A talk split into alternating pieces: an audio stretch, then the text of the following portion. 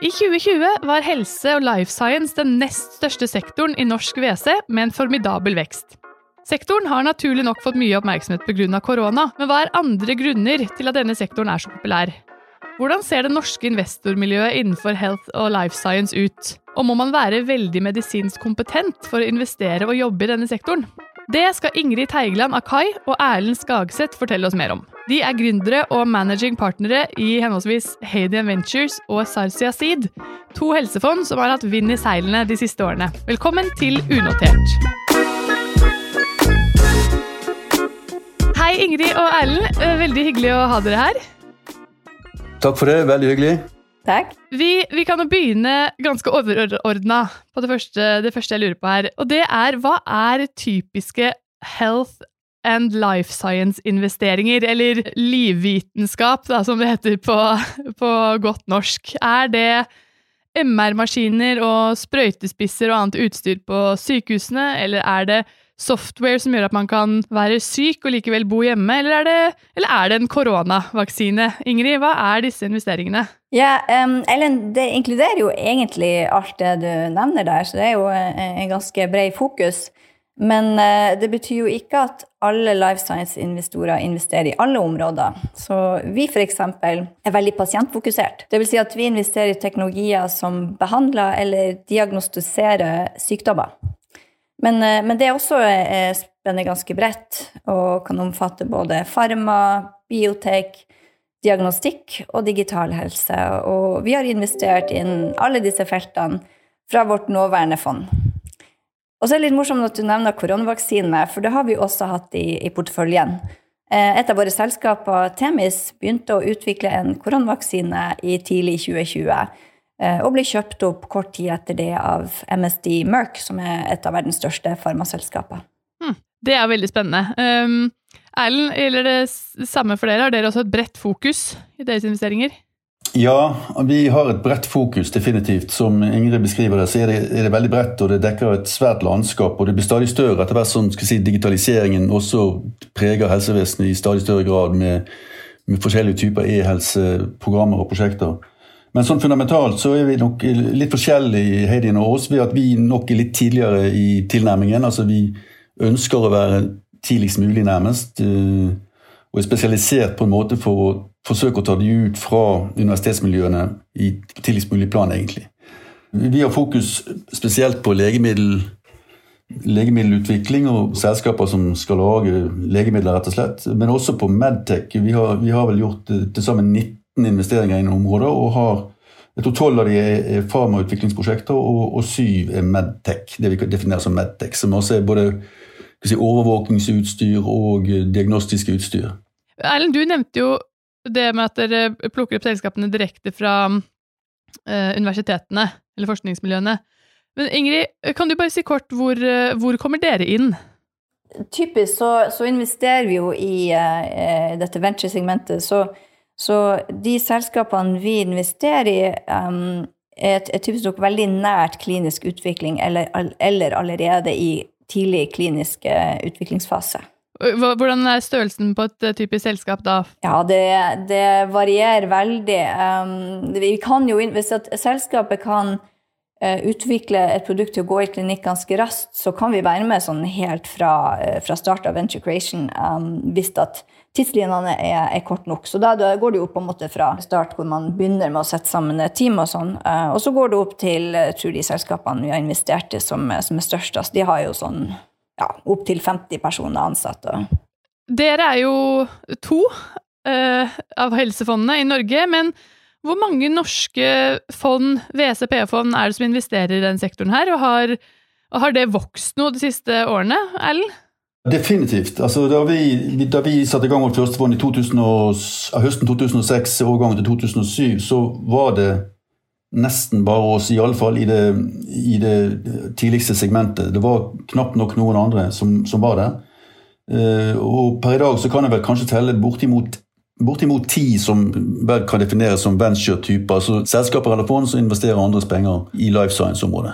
Så det har definitivt vært en, en veldig positiv utvikling over de siste si, 15 årene. altså. Men dette er jo et felt som er ganske komplisert, da. Man må vel ha en del medisinsk kunnskap i bunn for å skille en god og en dårlig deal? Eller hva er det som gjør um, investorer i denne sektoren um, forskjellig fra investorer i andre sektorer, uh, Ingrid? Det, det, stemmer jo det at uh, investorer som fokuserer på denne sektoren, er, typisk er spesialisert. Um, og, og, det har jo med å gjøre at det er høy risiko i denne sektoren. Og hvis man ikke har bakgrunnen til å forstå produktet under utvikling, så er det vanskelig å anslå denne risikoen. Og da er det også vanskelig å sette rett verdi på selskapet. Og, og videre sette sammen en diversifisert portefølje, sånn at man har en fornuftig avkastning og risikoprofil på, på porteføljenivå. Så hos oss så har eh, alle på investeringsteamet enten bakgrunn som lege eller forskning med minst en, en, en ph.d.-grad.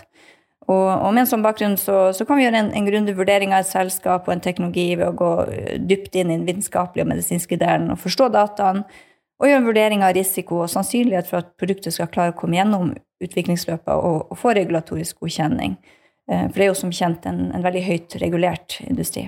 Med det utgangspunktet så er det jo i hvert fall interessant at sektoren har vokst så mye, da, at man har sett en økning i, i antall investorer eller antall fond um, som er så høy bare fra 2007 til nå, med tanke på at man trenger såpass tung kompetanse i bunn. Så det er jo det er interessant. Og apropos den veksten. Um, ifølge både NVCA og Argentum sin aktivitetsrapport for 2020, så var helse- og livvitenskap den nest største sektoren i både norsk og nordisk uh, eh, WC. Og i WC så steg antall dealer i den sektoren med over 40% til ca. 50 dealer på bare ett år. Og det er en veldig formidabel vekst eh, sammenlignet med tidligere år. Da. Så da lurer jeg på hvorfor er dette så populært i, i venture capital i WC? Erlend? For det første så er det jo en, altså det er jo en internasjonal WC-bransje som er kjempestor historisk sett i, i USA og, og i, i, Europa også. Uh, har vært beskjeden i Skandinavia, eller i Norge. Men det har vært eh, betydelig WC-aktivitet innenfor området i både Sverige og Danmark i mange år. Og Sverige og Danmark har jo også en legemiddelindustri. Det mangler vi, eller har vi manglet i en veldig stor grad.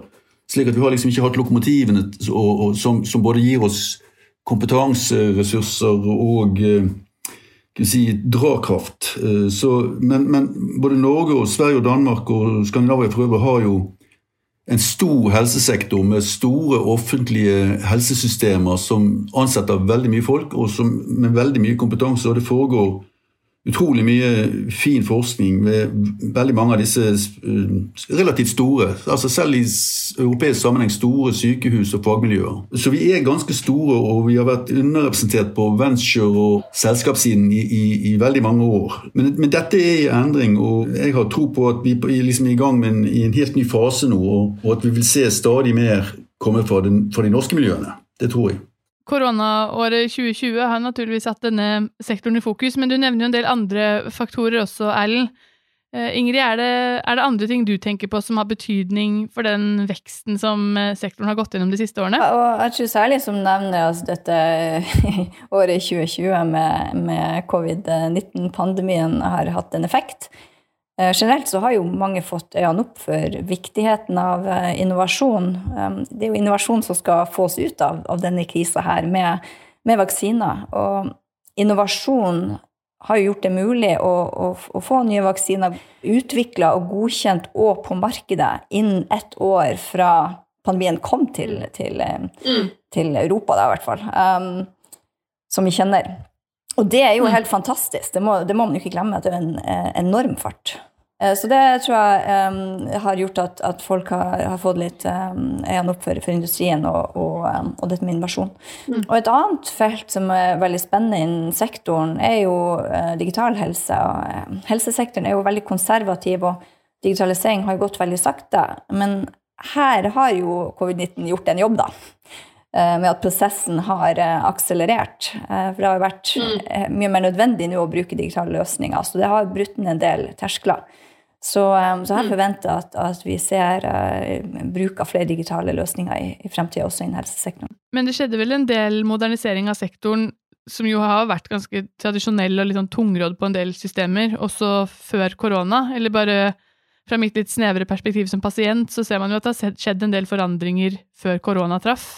Ja, men det gikk, for, nesten forbausende sakte, da. Industrien er jo veldig tungrodd, som du, som du sier. Det er jo også gode grunner, for det er jo klart det er jo eh, viktige eh, data man, man behandler. Men, eh, men, samtidig så, så må man eh, få på plass løsninger sånn at eh, det kan effektiviseres. Og, og, og, der har på en måte covid-året hjulpet til. Men Ingrid, bare sånn, jeg vet ikke om du er enig, men vi ser vel også noen konturen av at det er en del, av, en del selskaper så det, det, det er ganske mange kliniske studier som pga. presset på sykehusene og andre ting som er forsinket uh, og forsinkes av covid-19. Så vi, vi, ser effekter, altså forsinkelseseffekter på andre program, utviklingsprogrammer innenfor medisin enn covid-19. Det, det, observeres. altså.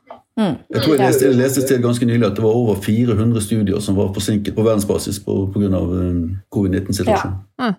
Så der hvor man ser vekst på noen områder, så vil man se en uh forsinkelse på andre områder, da. Ja, men det er Ingrid jeg nevnte innledningsvis at man har vist at man fra pandemiens inntreden i mars eh, i fjor og til nå er det gått 12-13 eh, måneder, og man har allerede vaksinert hundrevis av millioner mennesker med, med nye vaksiner som, som, ikke var funnet opp mm. på det tidspunktet. Det trodde man nesten ikke kunne være mulig.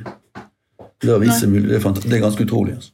Men um, når en sektor vokser så fort og blir så populær, um, kan det føre til en um, Eh, overprising av selskapene. Hvordan eh, følger dere med på det? Altså, det er jo alltid en, eh, en, fare for det. Og når det gjelder børsnoterte selskaper, så hadde jo særlig i, i fjor da, en enorm økning i verdien der. Men um, når det gjelder akkurat det segmentet som, som vi investerer i, så, så, har vi ikke sett så mye uh, til det. Altså det vil si um, private selskaper i, i, hovedsakelig i Norden, da.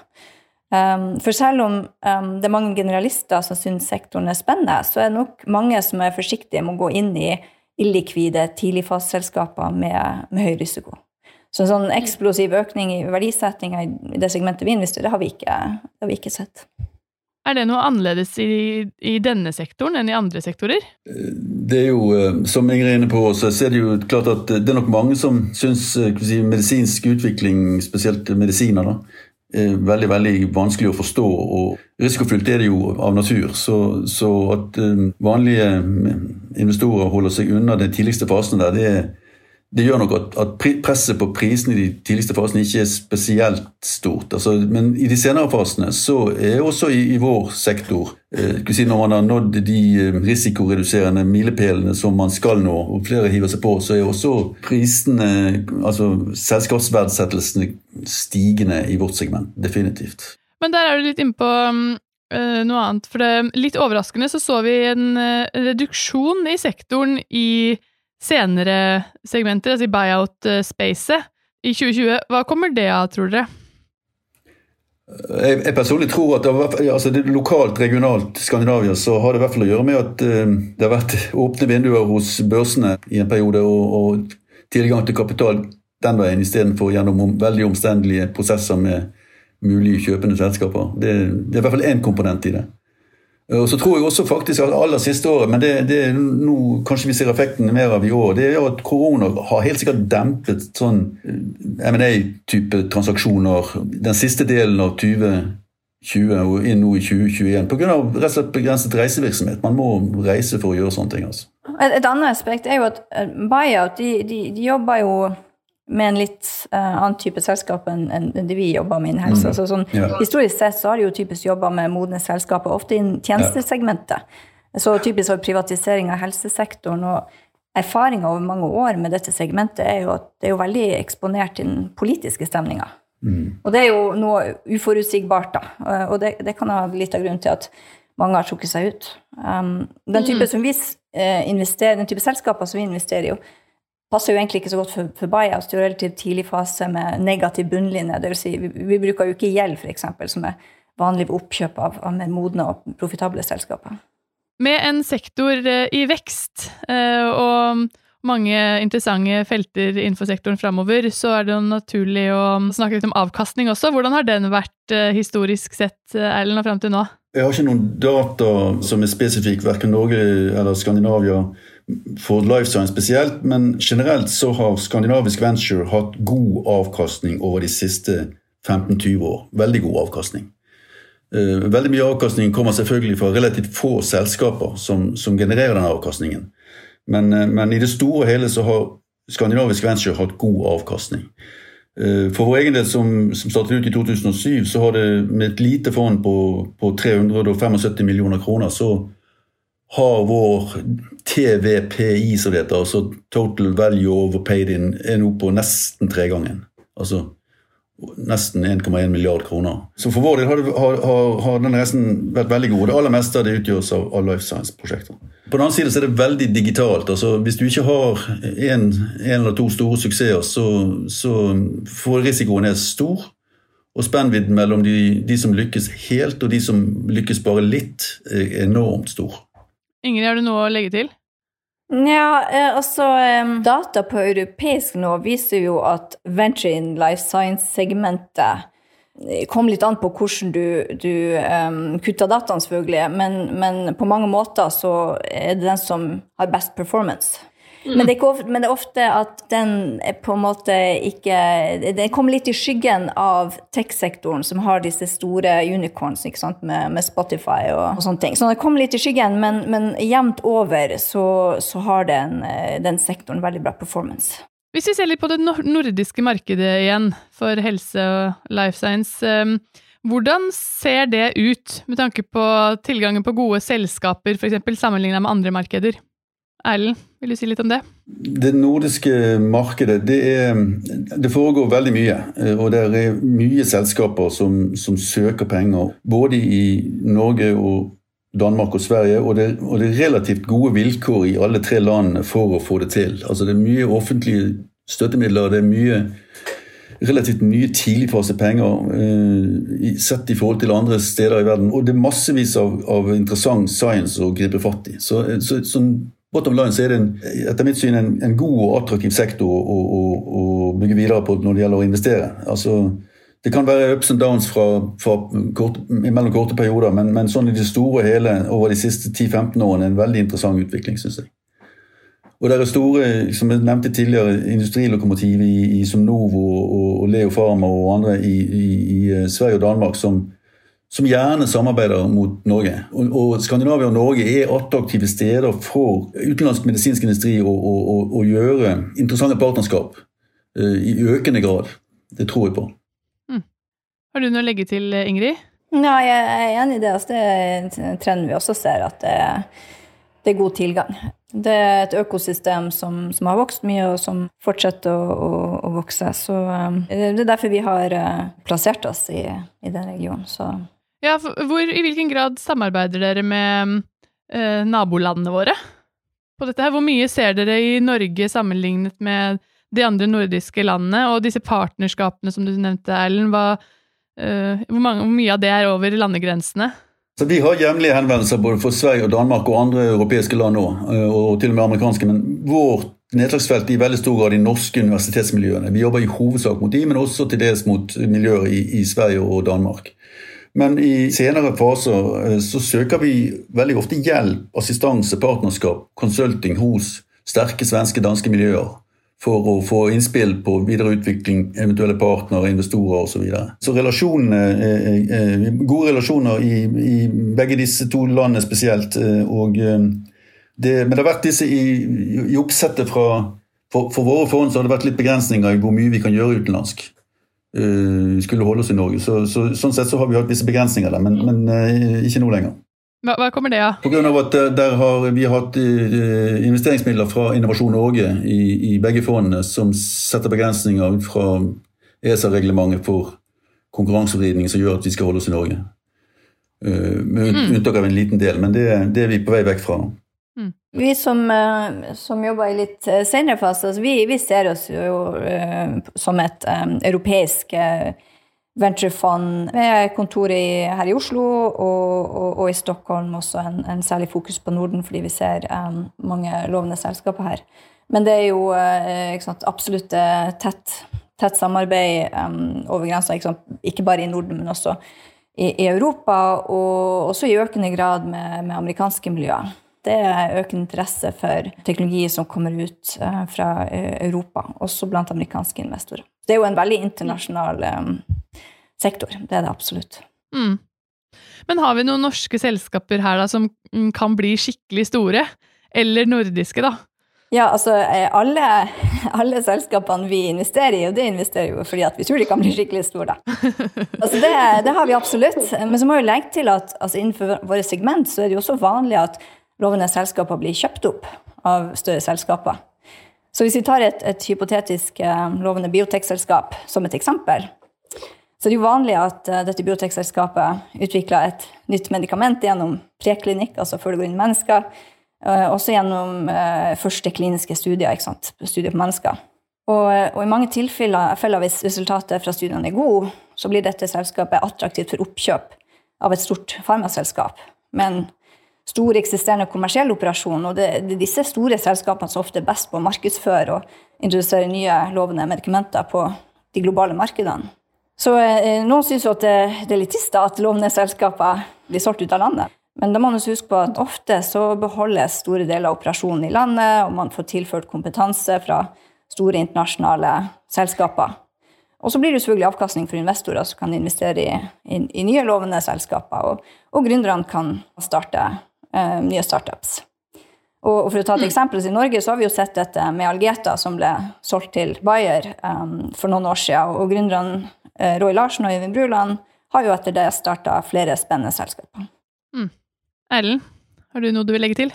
Som ingen, altså alle, alle, alle, selskapene investerer vi har uh, potensial for det når vi starter å investere. men men jeg er enig med at Ingrid sier det, det er liksom en, en, en, næring der praksis er at det er noen få titalls kjempesvære selskap som har industrielle forankringer lang, altså kanskje et par hundre år tilbake i tid som kjemiselskaper eller bryggerier eller whatever. Og som i dag er legemiddelselskaper, og som, og som er giganter, og som kjøper opp i sitt område. Det er den allmenne praksis at, man, at de kjøper opp produkter av, og, og, og løsninger av uh, mellomstore selskaper. så det å tenke seg at det bygges et nytt Novo i Norge, det, ja, det, er mulig å tenke på det, men, eh, men det er lang vei.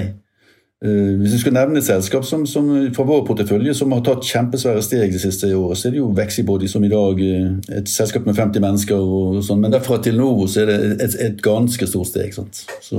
Ja, fortsatt et stykke å gå. Men det er en spennende historie, det. Tiden vår er uh, snart slutt. Men jeg lurer på, sånn helt avslutningsvis, kan dere gi oss noen fremtidstanker? Er, si litt om hva som er spennende innenfor helse og life science i tiden fremover? Ja, så uh, Hvis jeg skal forsøke å begynne, jeg som ikke er fagperson, kan jeg begynne, kan du avslutte og gjøre det bra til slutt?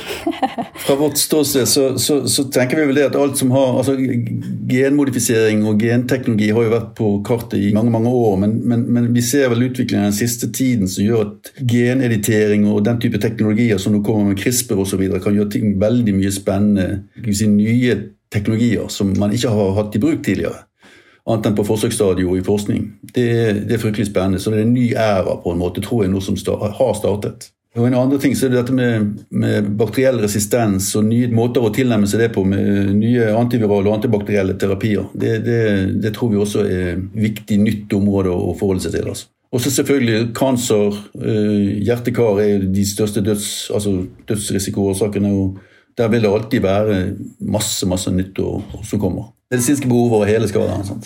Ja. Nei, jeg, er enig i det eh, Erlend sier der. Det, det, det, er mye, og, og det skjer eh, en, en, veldig rask eh, utvikling. Ikke minst for, fordi vi har på en måte noen gjennombrudd på teknologier som kan brukes i veldig mange forskjellige områder. Og Erlend nevnte jo ikke sant, genredigeringsteknologi, CRISPR-teknologi, som, som eh, har kommet i bruk over de, over de siste årene, som, som har en eh, enorm eh, innvirkning. For de kan brukes så bredt innen forskjellige sykdommer og indikasjoner. Så det, det er kjempespennende. Og for å så komme inn på et annet um, felt som, som er litt mer sånn skjært, det er jo, som, som jeg nevnte, også en digital helse. Det, det syns jeg også er veldig spennende. fordi at det er så mye som kan effektiviseres innen helsesektoren eh, ved hjelp av digitalisering, og, vi har behov for det eh, med den kommende eldrebølgen eller eldretsunamien. Så det er et felt som eh, er veldig spennende og lovende. Og så på et generelt plan, en annen spennende utvikling så, så jeg vil nevne innen denne sektoren, det er jo at vi ser at dagens medisinske forskere har fått øynene opp for entreprenørskap og er mye mer interessert i kommersialisering av innovasjon enn, enn den forrige generasjonen forskere var. Ja. Så det er superspennende. Og det, det, gjør jo at vi har sett og kommer til å se et, et, eh, økende antall startups i innen sektoren. Det er en veldig spennende utvikling. Så bra. Vi lar det være siste ord. Og så skal jeg bare kort oppsummere det dere har sagt, prøve i hvert fall. For dere har fortalt oss det at eh, denne sektoren har et eh, bredt fokus, at den har vokst veldig de siste årene, bare fra 2007 til nå, eh, hvor vi har gått fra ett til om lag ti fond som fokuserer på helse og life science. Dere har fortalt at det er en internasjonal WC-bransje med mye samarbeid på tvers av landegrensene, både ut i Europa og over til USA. Det er mye kapital i tidlig fase og gode rammevilkår for denne sektoren i Norden. Så det er en god og attraktiv sektor på nordisk nivå. Det er særlig noen store industrilokomotiver i spesielt Danmark og Sverige som drar dette videre, mens Norge er også veldig aktivt til stede og gjør interessante partnerskap i økende grad der ute.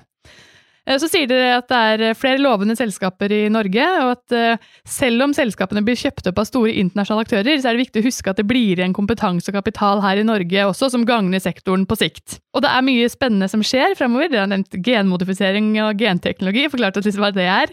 Hvor vi ser teknologier vi ikke har hatt i bruk før. Bakteriell resistens ble nevnt, og ikke minst digital helse, som er et felt i vekst og som vil ha stor betydning fremover. Så sier dere at det er høy risiko i denne sektoren. Eh, derfor trenger man kompetanse i bunn for å ta de gode avgjørelsene og velge ut investeringscaser, men at avkastningen i skandinavisk venture tradisjonelt sett har vært veldig god. Høres det greit ut? Ja, absolutt. Det stemmer bra, det. Tusen takk for at dere tok dere tid til å delta, og, og delte med oss eh, deres kunnskap om denne spennende sektoren. Takk for at dere kom. Takk for at jeg fikk være med. Veldig hyggelig. Da gjenstår det bare å si takk til dere som lyttet. På gjenhør.